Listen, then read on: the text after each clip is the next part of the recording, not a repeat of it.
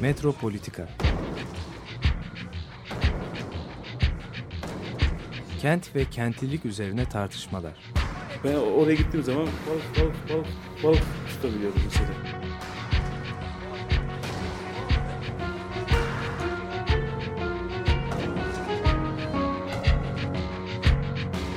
Hazırlayıp sunanlar Aysin Türkmen, Korhan Gümüş ve Murat Güvenç. Takusuyor ki. kolay kolay boşaltamadılar. Yani elektrikçiler terk etmedi Perşembe Pazarı merkezini.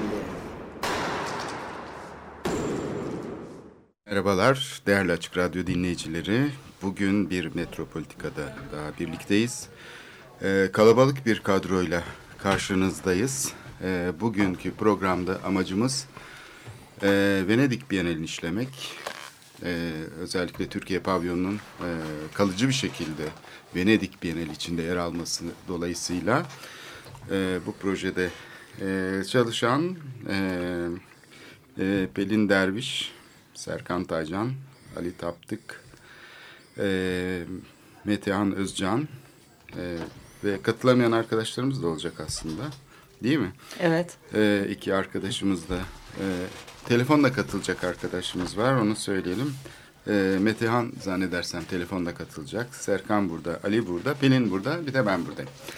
Şimdi bu epey zamandır konuşulan, Pelin istersen seninle başlayalım. Epey zamandır konuşulan bir konuydu. Ee, Türkiye'nin bir e, ulusal pavyonla Venedik Bienalinde temsil edilmesi. Gerçi bu ulusal pavyon meselesi problemli bir konu. Ee, hele şey açısından bakarsak, Türkiye açısından bakarsak. Ee, çünkü ulusal pavyonlar 20. yüzyıl başında şekillenmiş. Hatta 19. yüzyıl sonunda şekillenmiş. O dünya fuarları şeyinin bir kalıntısı.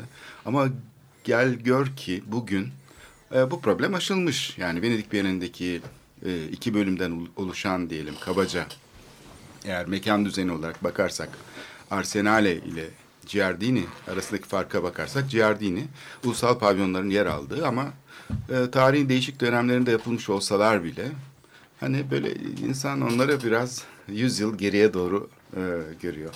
Şimdi İstanbul şey Türkiye çok ilginç bir şekilde Arsenal'in içinde kalıcı bir mekan edindi ve 20 sene Doğru. 20 sene değil mi? Bu 20 tam- sene. e, tabii müthiş bir şey. Arsenal'in ana mekanlarında gayet iyi bir yerde e, bir e, büyük hacme sahip ve bu 20 sene boyunca yani e, neredeyse sonsuza kadar gidecek bir şey. İlk önce senden diyelim, dinleyelim istersen bu hem Tabii. konuyu hem ilişkilenmenizi. Bienal ana temasıyla olan ilişkileri vesaire. Ee, evet inşallah sonsuza dek e, sürer. Ee, 20 yıl e, diye başladı. 500 metrekarelik bir yerimiz var. Ee, gene eski e, bir yapının içinde e, ve işte 20 yıllık e, sürecin başlamasıyla da yenilenmiş e, bir iç mekanın e, içinde e, ilk sergiyi e, yapma e, mutluluğuna eriştik diyebilirim. E, bu ulusal pavyon meselesine istersen hiç girmeyelim. Onu ben şu şekilde e, görmeyi hep daha e, daha verimli e, görüyorum aslında mimarlık açısından e, özellikle. E, sadece yerel değil uluslararası bir e, plat, platformda e, mimarlık e, e, kültürünün e, e, daha ileriye taşınabilmesi, yeni tartışmalara e, olanak sağlaması için aslında e, bir platform olması bakımından çok değerli. Biz e, çok e, diyebilirim ki aslında sıkışık bir zamanda yani ekip olarak bir araya geldiğimizde beş ayımız vardı. Yani korkunç sıkışık bir e, zamanda e, bir e, iş e, üretmiş olduk. E, ama iyi ki e, yaptık e, çünkü bunun üzerine yenileri e, gelecek.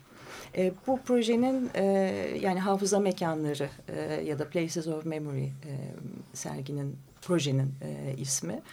E, böyle çok hızlıca künyesini söyleyeyim. E, Murat Tabanlıoğlu küratörü. E, demin saydığım e, isimler Ali Taptık, Alper Derinboğaz, Candaş Şişman şu anda aramızda yok maalesef Candaş. Alper de öyle. E, Serkan Taycan'la birlikteyiz. Metehan e, Özcan'la da e, bir ara telefonda e, görüşeceğiz. O bizi şu anda internetten İzmir'de izliyor. Onun için aramızda değil. E, çekirdek e, e, grup oluşum E, bu kişiler bir de e, grafik tasarımı e, yürüten e, Aslı Altay'ı e, burada mutlaka almamız gerekiyor. E, sergi ve şimdi senin elinde tuttuğun e, kitap. Evet çok kalın bir kitap. Adeta Biennale'in kataloğu gibi e, geniş bir şeye sahip. E, Bi- Bienal, Biennale'in kataloğu galiba onun üç katı falan. Belki dört katı yüksekliğinde. Bayağı e, evet. hırslı bir hacmi var. Ee, ana temasıyla ilişkisini sordun e, Korhan. E, bu seneki e, Biennale'in ana başlığı Fundamentals. Bunu nasıl, Nasıl çeviririz? Esaslar, özler belki. Evet, evet. Ee, ve Biennale'in e, direktörü e, Rem Koolhaas e, katılımcı e, ülkeleri e, yani bizim de dahil olduğumuz e, alana e, Absorbing Modernity 1914-2014 e, aralığını verdi. E, ana şeylerden biri buydu, e, bileşenlerden biri buydu. E, diğeri Elements of Architecture yani mimarinin e, elemanları. Bir de Monditalia var. E, bu da özel bir durum aslında bu Biennale. Çünkü e, mimarlıkla birlikte sinema, e, tiyatro, e, müzik ve dansı e, bir araya e, getirdi. O da çok güçlü bir e, parçasıydı. Absorbing Modernity'yi nasıl çeviririz? Çevirmeden geçtiğimin farkındayım.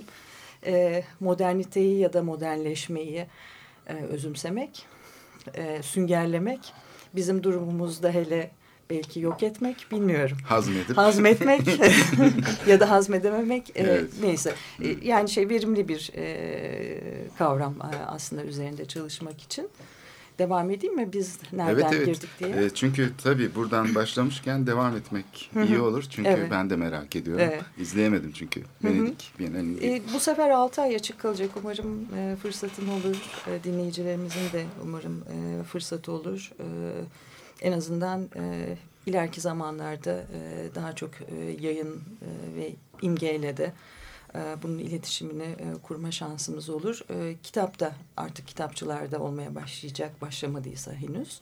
E, ona da bakmanızı tavsiye ederim. E, absorbing, e, pardon hafıza mekanları e, e, tekrar küratöre dönelim. O burada e, yokken e, onun e, e, ağzından konuşmak gibi olacak ama e, önemli. E, çünkü e, Murat e, ilk başta bu konuya e, girerken şunu söylemem lazım. E, herhangi bir brief vermedi hiç kimseye. E, en önemli briefi belki de bunu birlikte e, oluşturmaktı.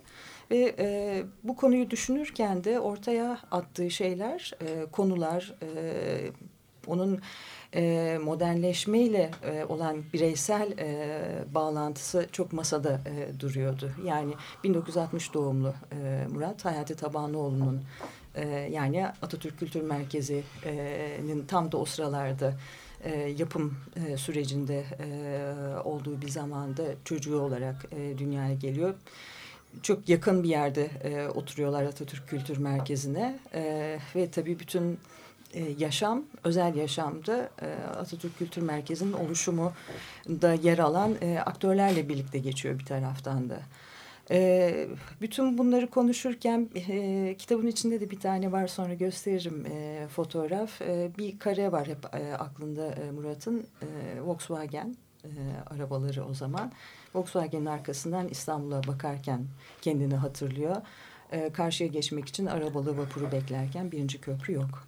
Sonra İstanbul Erkek Lisesi zamanları geliyor. İstanbul Erkek Lisesi mimari olarak zaten e, bir şey ama daha çok onun e, üzerinde e, durduğu hafızasına yer eden Balbal bölgesi yani o zamanların e, önemli e, gazetelerinin mekanı milliyete e, giderken kendini e, hatırlıyor ve şimdi profesyonel yaşamının son dönemlerinde de büyüklerinin bir yani kendi e, icraatlarıyla da bağlantılı olarak bir e, bir e, önemi var. E, dolayısıyla bunu ve Murat bir tarihçi değil, e, konuyu da bir tarihçi perspektifinden ele almak yerine kendi bireysel e, deneyimleri üzerinden dokunarak bu bölgeler üzerinde e, konuşurken aslında bu üç e, alanı çalışma alanı olarak e, belirleyelim e, dedi dedik e, ve sonra e, ekibin aslında belki kısa kısa bahsetmek lazım Ali ve Serkan burada onlar kendi e, e, geçmiş deneyimlerinden belki kısaca çekilmezlerse bahsetmelerinde e, yarar var. Herkesin aslında e, o beraberinde e, getirdik getirdiği birikimlerin e, çok değerli bir e, katkısı oldu ve e, bir anlamda hani büyük ölçekten e, küçük ölçeğe, kamusaldan e, özel alana e, yayılan bir ilgi alanlarının e, getirdiği, ortaya e, çıkardığı bir öykülemeden bahsedebiliriz e, burada. Ve bu öyküleme aslında sonuçta ilginç bir şekilde de birbiriyle bağlantılanmaya başladı. Yani okumak isteyen e, Metehan'ın hukukçular sitesinde mesela yaptığı e, çalışmayla Ali ile Serkan'la bağlanıyorlar. Yani biz kısacası aslında e, şuna e, bakmaya çalıştık. E, Rem Koolhaas burada e, mimarlar değil mimarlık diye bir kavramı ortaya koyarken bu benim çok kişisel e, yorumumdur. E, bu mimarlığı da büyük meyle değil de daha küçük meyle bireyi belki e, ortaya koyarak e, baktığımız vakit yapılı çevreye, e, mimarlığa e, onunla ilişkimizin e, ne olduğuna e, bakmanın özellikle bugünün Türkiye'sinde, bugünün e, İstanbul'unda başka bir değer var gibi geliyor bana. Bu çok kişisel bir şey tekrar. Herkes başka şey söyleyebilir. e, altını çizerek e, buradan ayrılmak istiyorum. Evet, e, tabii çok şey çağrıştırıyor. Özellikle Murat Tabanlıoğlu'nun e, kuşaklar ötesi hafızayı taşımaya çalışması... Hı hı aslında bir şekilde de e, bizim bunu eş zamanlık düzeyinde okuduğumuz birçok şeyi aslında tarih düzeyinde okumamızı getirecek bir şey. Yani burada bir kaf, e, kurumsal hafıza boşluğu ya da kaybı olduğu zaman biz tarihi aslında bir bakıma geriye doğru yaşıyormuşuz gibi oluyor. Ne bileyim bir kamu deneyimi olarak kültürün şehre kazandırılması yani Atatürk Kültür Merkezi hı. mesela şeye bir alternatif bir bakıma e, özel alanda gelişen kültür faaliyetlerine hatta hayırseverlik alanında, filantropi alanında gelişen kültüre karşı kamusal bir cevap. Yani 19. yüzyılın perasına karşı işte 20. yüzyılın bir cevabı gibi okunabilir. E, bunu en iyi temsil eden de tabii ki Murat'ın babası yani. E, onu yeniden yapan yandıktan sonra vesaire. Orada bir çatışma şeyinin yani orada kurumsal hafızada gizli olan devletin ulus devletin hafızasında gizli olan şeyler mesela tekrar e, geliyor yangınla vesaireyle aslında buradaki e, şeylere tabii e, böyle kuşaklar ötesi okuma çabası ve şehrin üç ayrı bölümünde bunu yapmak e, yani bugüne de getirmek e, çok enteresan bir çalışma. Yani sahiden e, ilginç e, bir şey bulunmuş oluyor. E, çözüm hafıza kaybına karşı belki kişisel şeyden hareket etmek. Yani bu çok önemli. Mesela bu şeyde yani çok trajik olaylar var. E, Taksim'de, Taksim Meydanı'nın her hafızasına bakarsak yani 31 Mart vakasında işte bir ceset tepesi oluştuğunu oradaki veba hastanesindeki rahibeler anlatıyor. Ama onların anlattığını kimse bilmiyor. Yani o onların dokümanlarında, mektuplarında, yazışmalarında var ama hiçbir zaman yayına dönüşmüş değil. Ee, ne bileyim 77 1 Mayıs'ı gene buna benzer bir çok trajik bir şey. Ee, ondan önce Kanlı Pazar var. İşte sonrasında e, gene şiddet var. Ee, ilginç olan mesela bu kurumsal hafızayı okurken Hani şeyin e, ta belediye başkanı olduğunda Erdoğan'ın buraya cami yapmak istemesi ya da bir çember çizmesinden falan değil.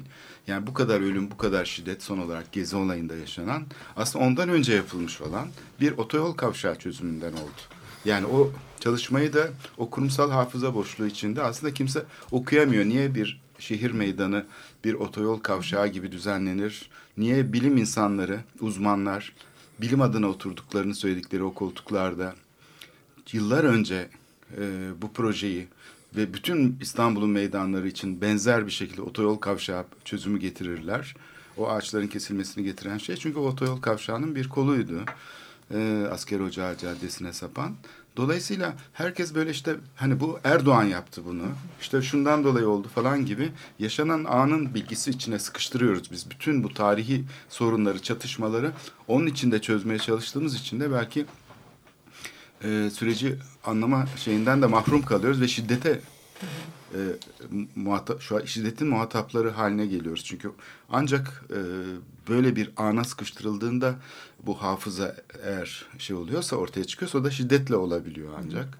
İşte demek ki yani bir, bir taraftan da bu hafıza ve şiddet ilişkisi var. Ee, Rem Koolhaas'ın yani bu modernleşmeyi özümsemek ya da işte anlamak, azmetmek falan bu şey tabii ki çok farklı şekillerde okunabilir. O açıdan da çok e, dikkat çekici bir şey var. E, 1914 tarihinin seçiminde özellikle.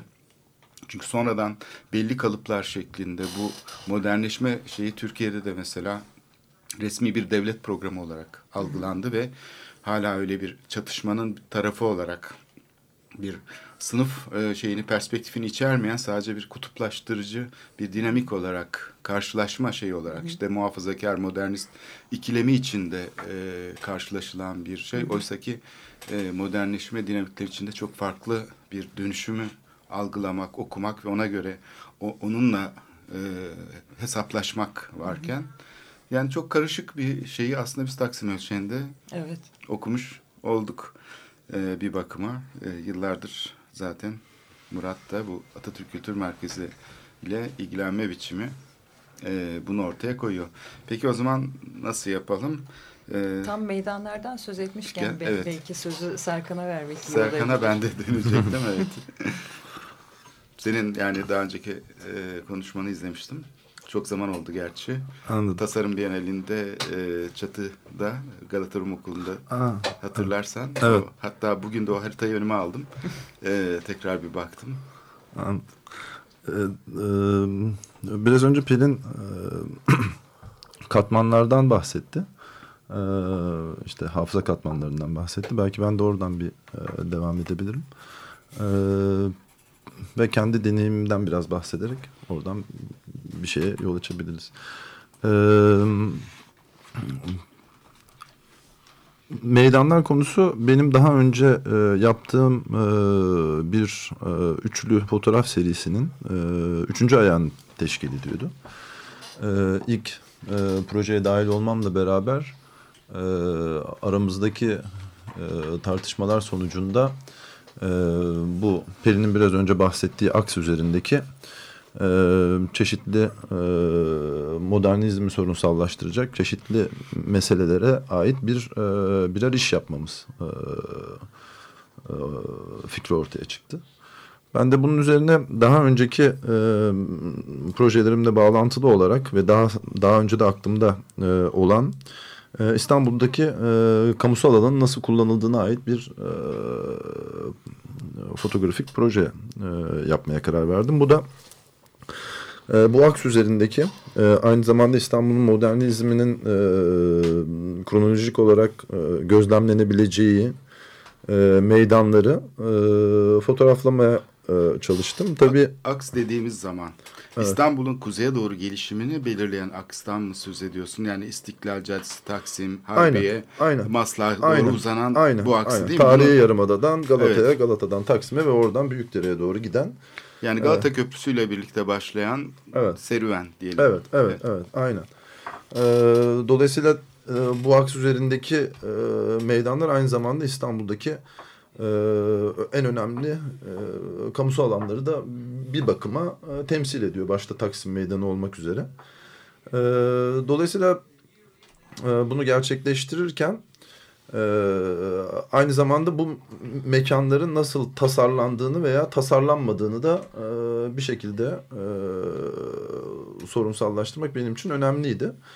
E, tabii burada e, bir usul üslup olarak benim e, uygulayabildiğim yöntem e, bütün bu meydanların e, aynı zamanda hem kamusal alan olarak insanların nasıl kullandığı hem tasarlandığını veya tasarlanmadığını gösterebilmek için daha yüksek bir noktadan çıkıp fotoğraflarını çekme e, ile e, ilişkilendirebildim ve e, altı tane e, meydanın e, bu anlamda e, fotoğraflarını ürettim. Tabii burada e, fo- fotoğrafları görmeden e, biraz konuşmak radyo ortamında biraz zor oluyor. Evet görsel bir şeyden Evet, söz ediyoruz ama e, şimdi tekrar şey yapalım. Ha, yukarıdan çekilen Evet, fotoğraflar. evet, evet, evet. Değişik zamanlarda mı yoksa şey mi?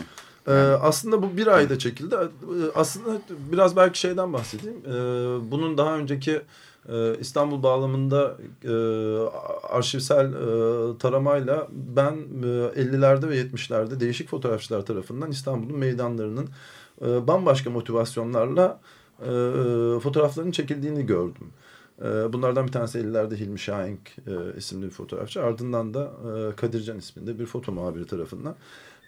Yani işte e, 50'lerde e, ki Taksim Meydanı'nın e, değişimi ve ardından e, 70'lerde 80'lerdeki değişimi ve ardından bugünümüzdeki değişimi bir e, kronolojik sıralamaya sokabilmek için e, bu üçlü malzemeyi beraber düşünmeye başladım. Aynı şey mesela Aksaray'da da söz konusu. E, 50'lere ait Aksaray ardından işte viyadüğün yapıldığı Aksaray ve bugünümüzdeki Aksaray veya Beyazıt veya şey diye. Dolayısıyla onlarda fark ettiğim şey şu oldu. Bir- Biraz yüksek bir noktadan bakılınca bu aynı zamanda e, bir şekilde tek bir e, karede e, bütün e, olayın sembolize edebileceği bir perspektif sunuyor. Çünkü aynı zamanda katmanları okuyabiliyorsunuz, binalar arasındaki şeyleri okuyabiliyorsunuz. E, ve orada kamusal alanın nasıl kullanılabildiğini daha çözümlemeye yarayacak bir e, şeydi. Hani buradan çıkarım olarak belki bir şeyler söyleyebilirim. E, e, mesela e, çok ilginç bir şekilde hani hangi meydanlardan bahsettiğimi söyleyeyim. İşte Sultanahmet Meydanı, Cen e, Galata Meydanı, Taksim, Beşiktaş, e, Şişli Camii'nin önündeki meydan e, ve Cevahir'le e, sonuçlanıyor. E, e, şehrin en e, tarihi ilk meydanından e, ve daha sonra kronolojik sıralamaya göre devam eden şeyde en sonda e, bir alışveriş merkezinin önündeki e, hani meydan mı değil mi? Kaldırım mı? Kaldırım mı nedir? Şimdi onu biz Pelin'le isimlendirirken bile zorlandık. Şeyde yani Cevahir Alışveriş Merkezi'nin önündeki meydan mı? Cevahir Meydanı mı? Nedir yani bu? Ama aynı zamanda daha büyük bir soruyu e, aslında ortaya atıyor. E, alışveriş merkezleri ve onun çevresinde gelişen hayat kamusal alan e, tanımlamasının içerisine girer mi? Girmez mi? Kamusal alan tanımlaması nedir? İnsanların e, serbestçe e, e, kontrolsüz şekilde dahil olabildikleri alanlar mıdır? Değil midir? Ee, İstanbul bağlamında bu neye karşılık gelir? Eğer neo barok e, bir meydandan söz ediyorsak yani tasarlanmış bir meydan. Tabii Karaköy Meydanı öyle bir şey değil. Hani yıkımlarda belki bu düzenleme yapılmış, yapılmaya çalışılmış ama sonra farklı otoriteler iç içe geçtiği için aynı anda birçok şeyin aynı anda gerçekleştiği e, ve birbiriyle çelişen işlevlerin olduğu, standartların olduğu, çöplerin ortaya atıldığı falan. Çok enteresan bir yer. Mesela oradaki informal şeyler üzerine bir arkadaş çalışma yapmıştı. Onlar gün içinde nasıl yer değiştiriyor falan. Portakal suyu satıcıları, simit satıcıları, işte ne bileyim traktör satıcısı bile var içeride. Yani çok enteresan değil mi? Bana bu Karaköy meydanı çok şeyler e, çağrıştırıyor. Yani içeride e, meydanın içinde arabalar park ediyor. Çok sayıda. İşte demir parmaklıklar açılıyor. içeri giriş sağlanıyor. Arabalar için yapılmış demir parmaklıklar var falan. Aslında bu neo barok meydana uymuyor. Çünkü her şey birbiriyle çeliş, çelişki halinde. Ee, yapılan korkuluklar birbiriyle çelişki halinde yani bir standart öbür standart tutmuyor falan. Ee, şimdi bu, buradan gelirsek neo barok meydanın son kalıntısı herhalde Yeni Kapı Meydanı İstanbul'da. Tasarlanmış. Yeni bir- Ur. evet. Yani o tepeden bakışla gözüküyor. Ee, Evet. İçeriden anlayamıyor insanlar onu aslında. Evet yani e, proje bağlamında aslında e, e, bizim tarihsel sürecimize girmeyen bir şey e, girer mi girmez mi onu çok tartışamadık ama e, malum sebeplerle yani işte hafriyat meselesi benim daha önceki işlerimle de olan bağlantısı Evet, nedeniyle. Evet. e, bir e, fecaat durum ortada yani bunu Ama bir de bir de karşıtlık ilişkisi içinde okunabilir. Yeni Kapı Taksim ilişkisi. Tabii. Onlar birbirinin aslında şeyi, birbirini Evet. çözen, yok eden. Yani Evet. Yeni Kapı aslında Taksim'i yok etmek için evet. bir bakıma. Bir- Nasıl bir yok edecekse tabii yani Yani çünkü görmeyi- kapalı site kavramı içinde yapılmış bir meydandan söz ediyoruz değil mi? Yani Evet. e, şey biçimiyle e, birlikte e, gerçekten kapalı bir meydan. Evet.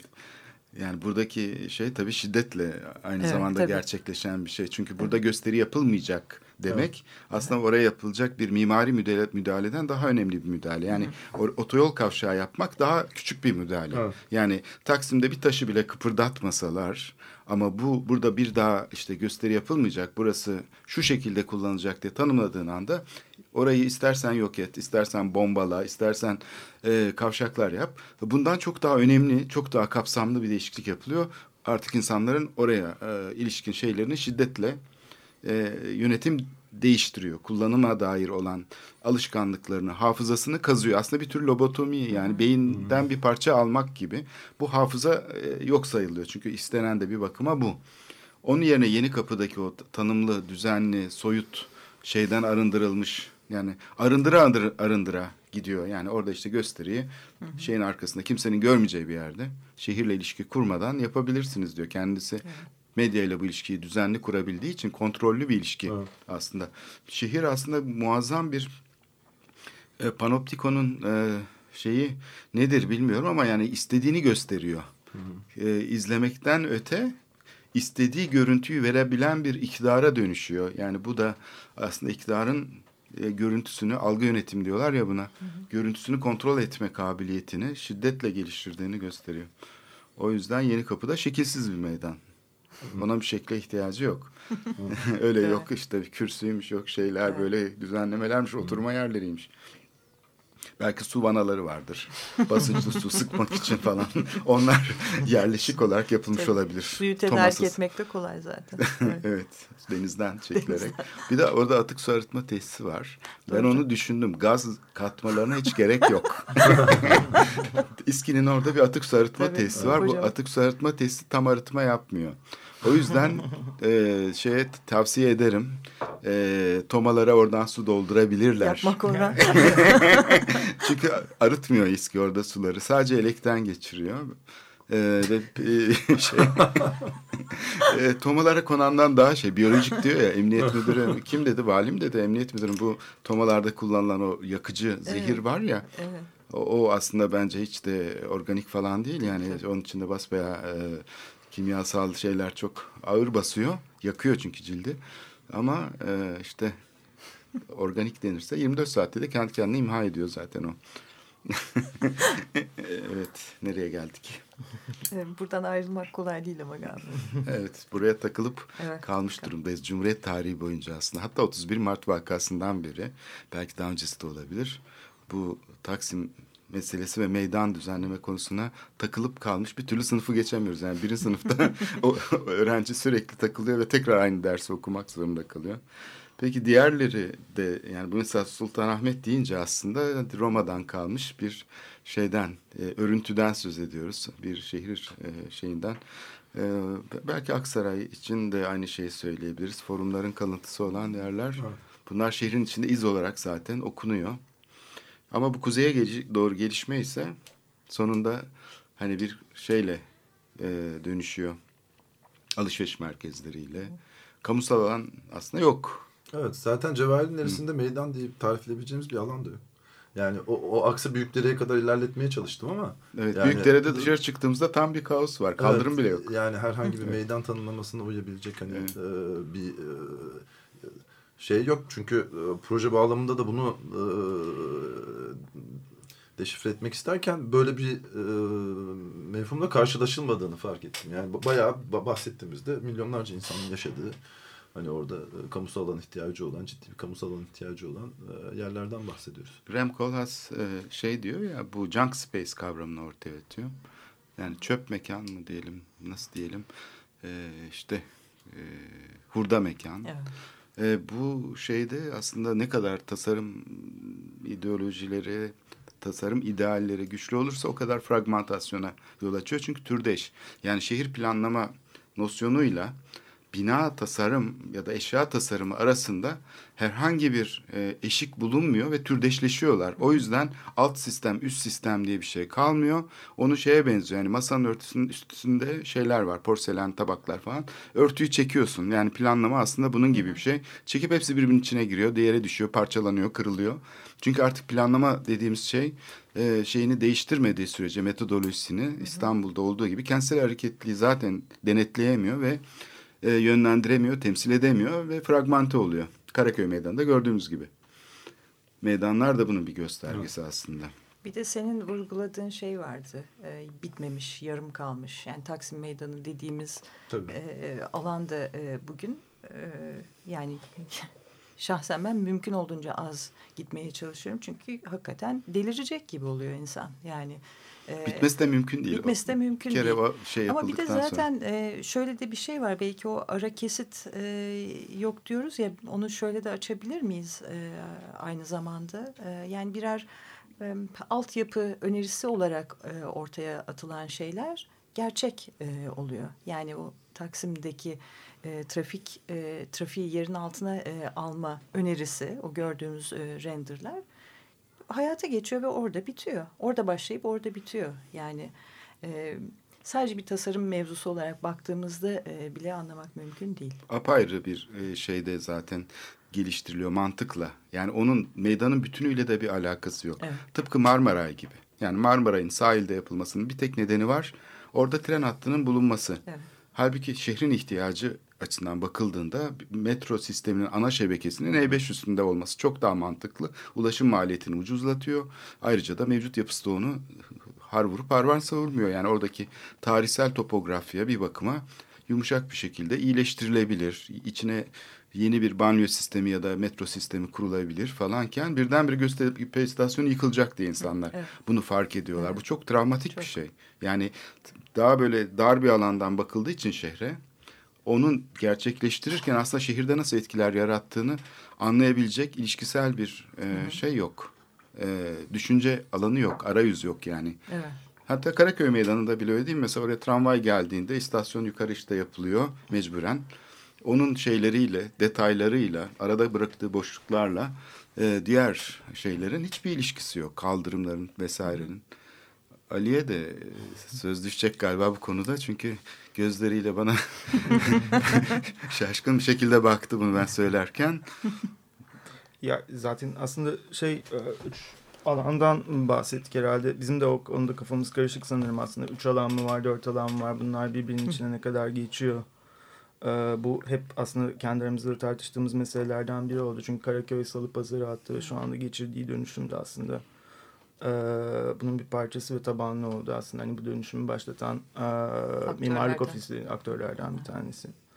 Ee, biraz hani farklı bir tarafa doğru gitmek gerekirse bu 31 Mart makasından bahsediyorsunuz. İşte bu Absorbing Modernity 1914-2014 böyle bir e, kavram işte modernizmi içselleştirmek gibi bir şekilde çevirenler var. Ben hani her şeyi hemen her şeyin üstünü örten modernite gibi e, daha çok algılıyorum kendimce. Öteki taraftan da böyle çok hani mimarların sevdiği şekilde e, sert hatlı 100 yıllık böyle net bir e, tarihsel e, bir periyot var, bir sınırlama var 1914-2014.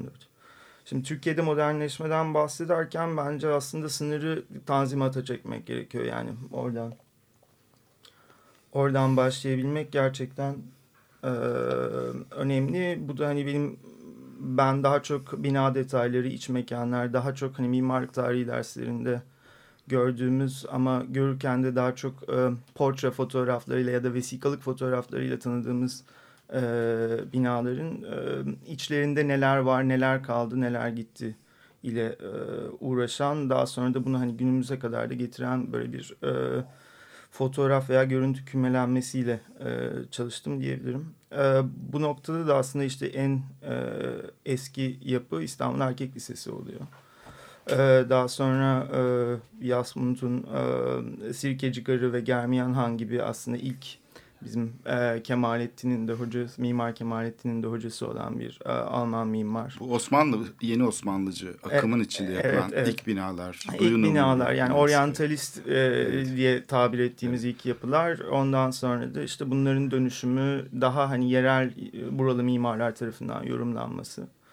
E, işin ismi e, Reform, Reset, Revisit böyle işlerin isimlerini de çok hani çevirmek mümkün olmuyor ama bir e, gerek Tanzimat gerek Cumhuriyet'in e, kurgusuyla hani bir reform var. Bununla birlikte bir her şey sıfırlanıyor. Yani daha önce olan şeyler dönüşmeye başlıyor ve tekrar tekrar e, revizite ediyor. Yani tekrar tekrar gözden geçiriliyor. Mesela Sedat Hakkı yapılarında hani bu e, daha yerel mimari e, unsurların kullanılması gibi.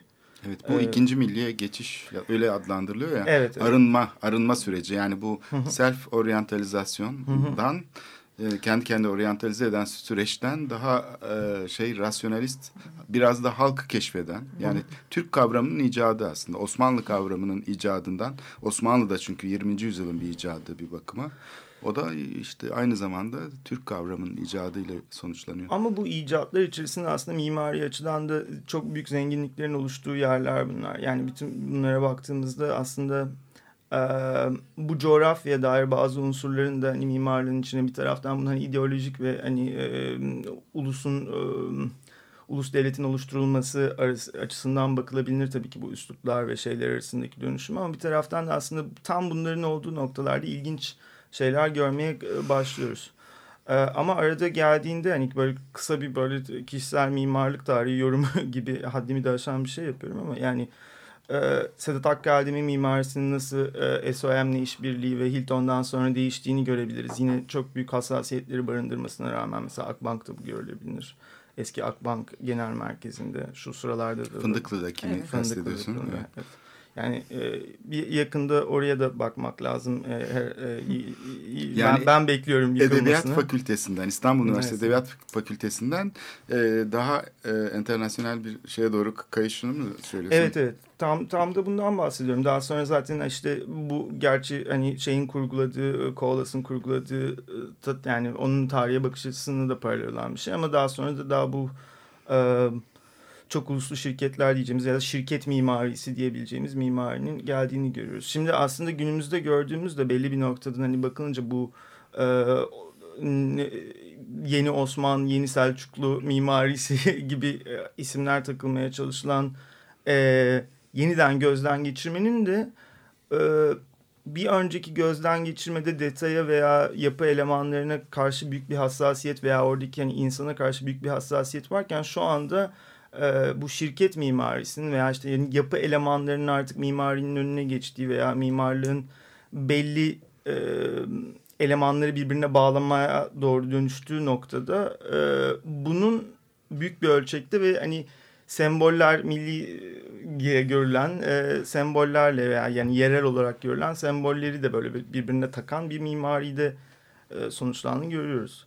Ya ama bu tabii e, gönül isterdik yani daha geniş kapsamlı bir alanda daha uzun bir sürede bir çalışma yapılabilsin ama e, tabanlı olduğunu da getirdiği yani sınırlamalarla birlikte bunun örnekleri aslında pek fazla yok. E, o açıdan bir hani e, onu da içine dahil etmek mümkün olmadı e, bu yeninin ne çıkarttığını. E, Belki de şöyle bir şey de e, bakılabilir. Yani bütün topluluklar, sivil topluluklar e, emperyal modernleşme içinde kendi kültür prototiplerini üretmek, yani milli kamusal alanlarını üretmek için edebiyatta, sanatta, mimaride aslında bir tür e, arayış içindeler. E, resmi kamu ise bu epey gecikerek katılıyor ve askeri bürokrasinin güdümünde katılıyor. İttihat ve Terakki Cemiyeti.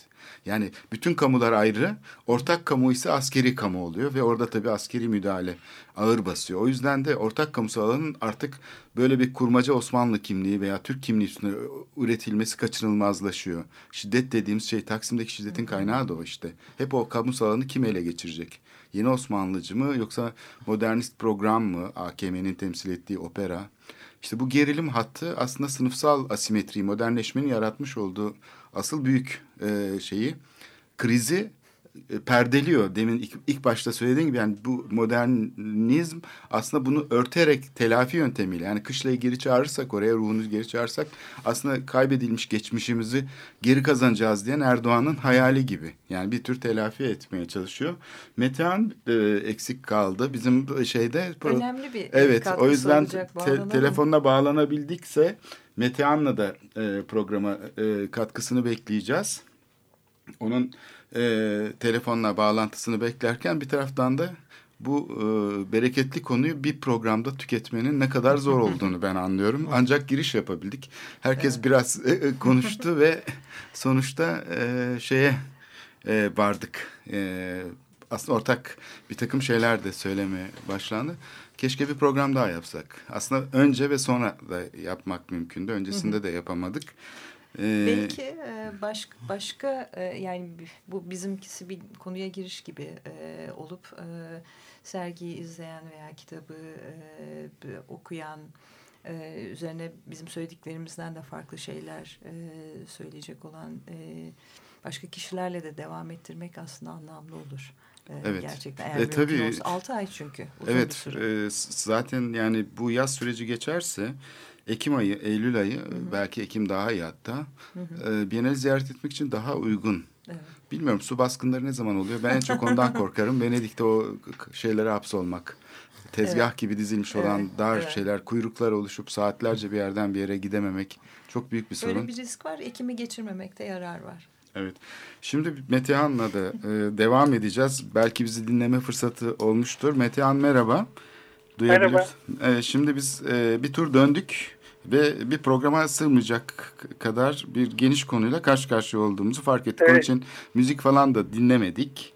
Şimdi söz sende. Sen eğer dinlediysen konuşmalarımızı ya da söylemek istediklerini e, bizim e, programın son kısmında da sana söz verelim dedik. Tamam teşekkürler. E, dinlemeye çalıştım. internetten arada hat koptu ama e, büyük bir kısmını dinledim. E, yani şey söyleyebilirim. Ben de iç, iç mekanla ilgili çalıştığım için daha önce e, kendime böyle bir alan bulup e, o alanın da tanımlı olmasını istiyordum. E, bir mimar tarafından, iki mimar tarafından tasarlanan bir yapı hukukçular sitesi. E, bir önerme aynı zamanda. Çünkü bir sosyal konut projesi. Orada Şişli'deki hukukçular sitesi e, evet. den söz ediyoruz. Melih Birsel ve e, yanlış söyle. Haluk. Evet. Baysal. Ee, Haluk Baysal. Birsel. Pardon isimleri karıştırdım ben. evet Melih Birsel, Haluk Baysal. Evet. E, bu aslında yapı şu anda e, yerinde tarif edelim. Çünkü İstanbul'da bir zamanlar çok dikkat çekici bir yapı olarak herkes belki biliyordu ama şimdi şehrin şey içinde, silüet içinde kayboldu.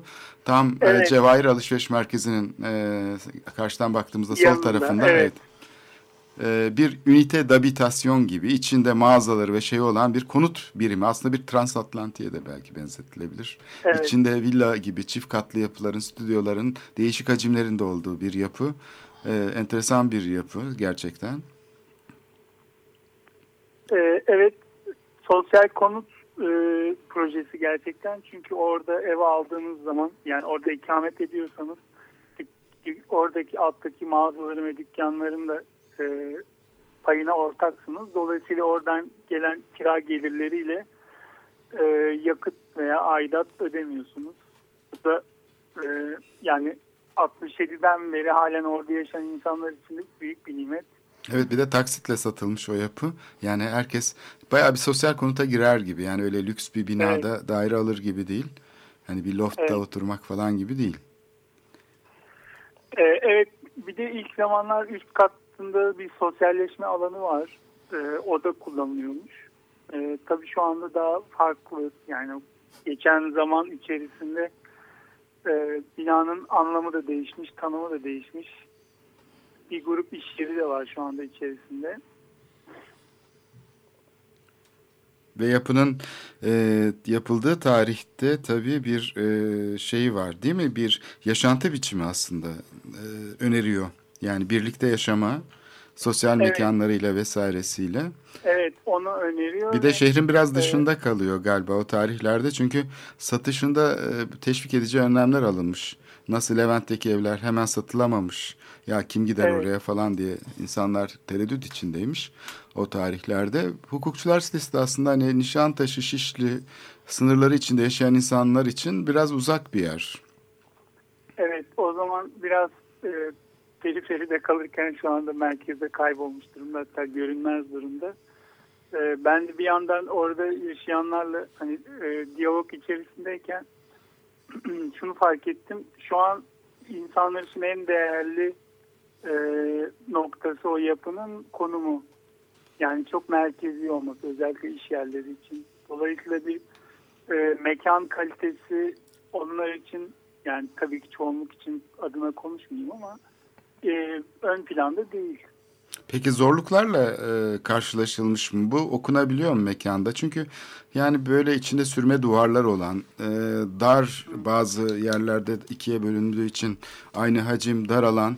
Yani bu şeye alışık olan insanlar acaba e, buraya taşınırken böyle geniş, ferah mekanlar işte şeyler içinde yaşarken acaba böyle bir otelin içine tıkılır gibi yani apartman yaşantısına hemen adapte olabiliyor mu? Onu ben merak ediyorum. Yani binada çünkü çok fazla büyük değişiklik de yapılmamış aslında içinde.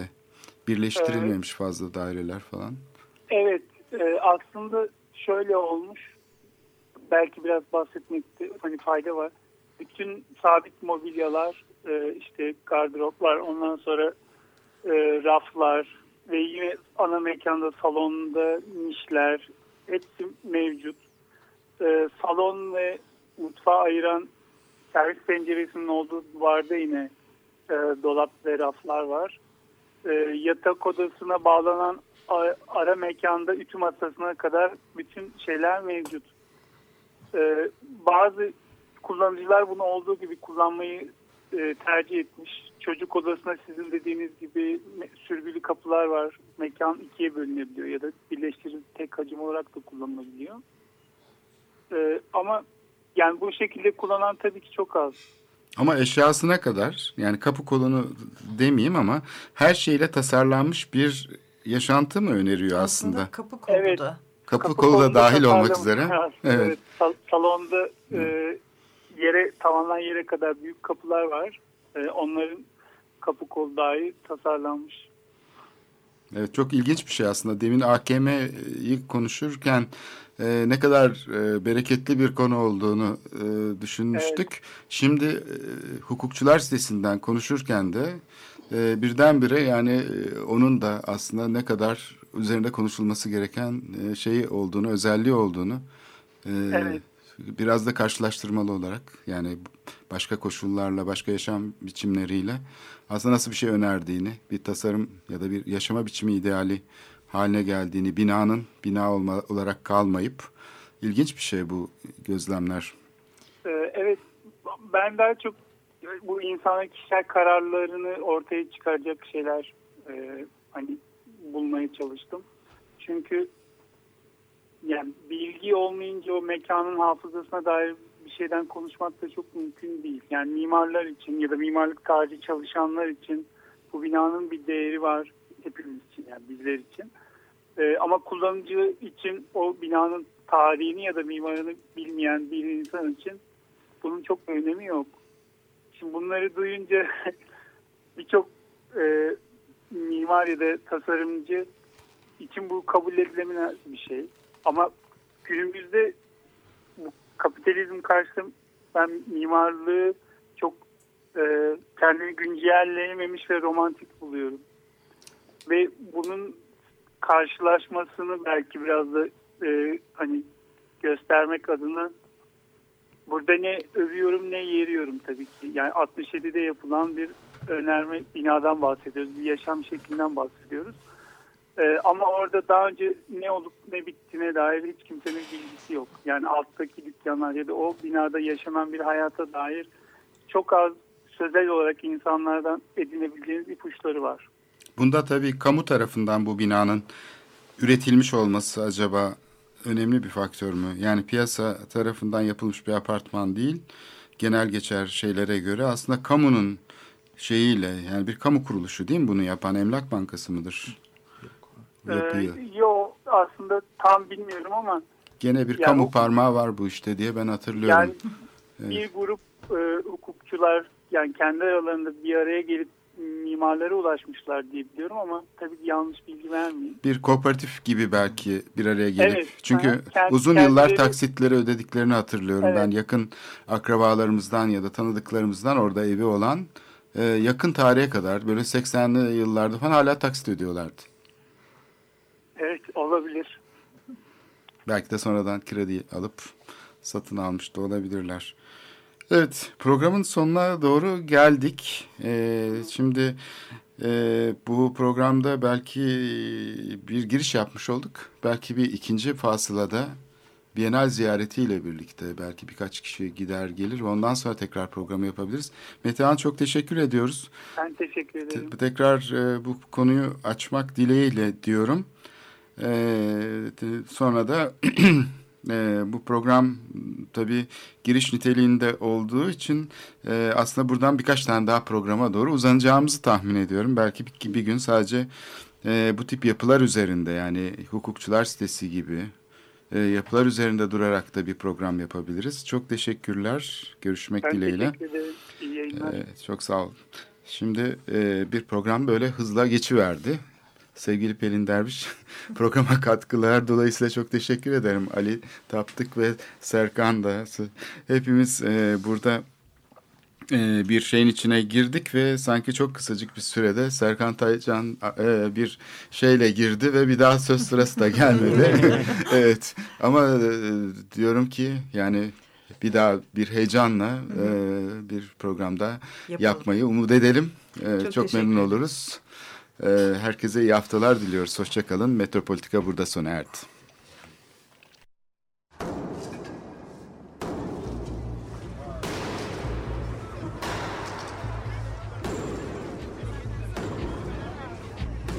Metropolitika Kent ve kentlilik üzerine tartışmalar. Ben oraya gittiğim zaman balık balık balık balık tutabiliyordum mesela.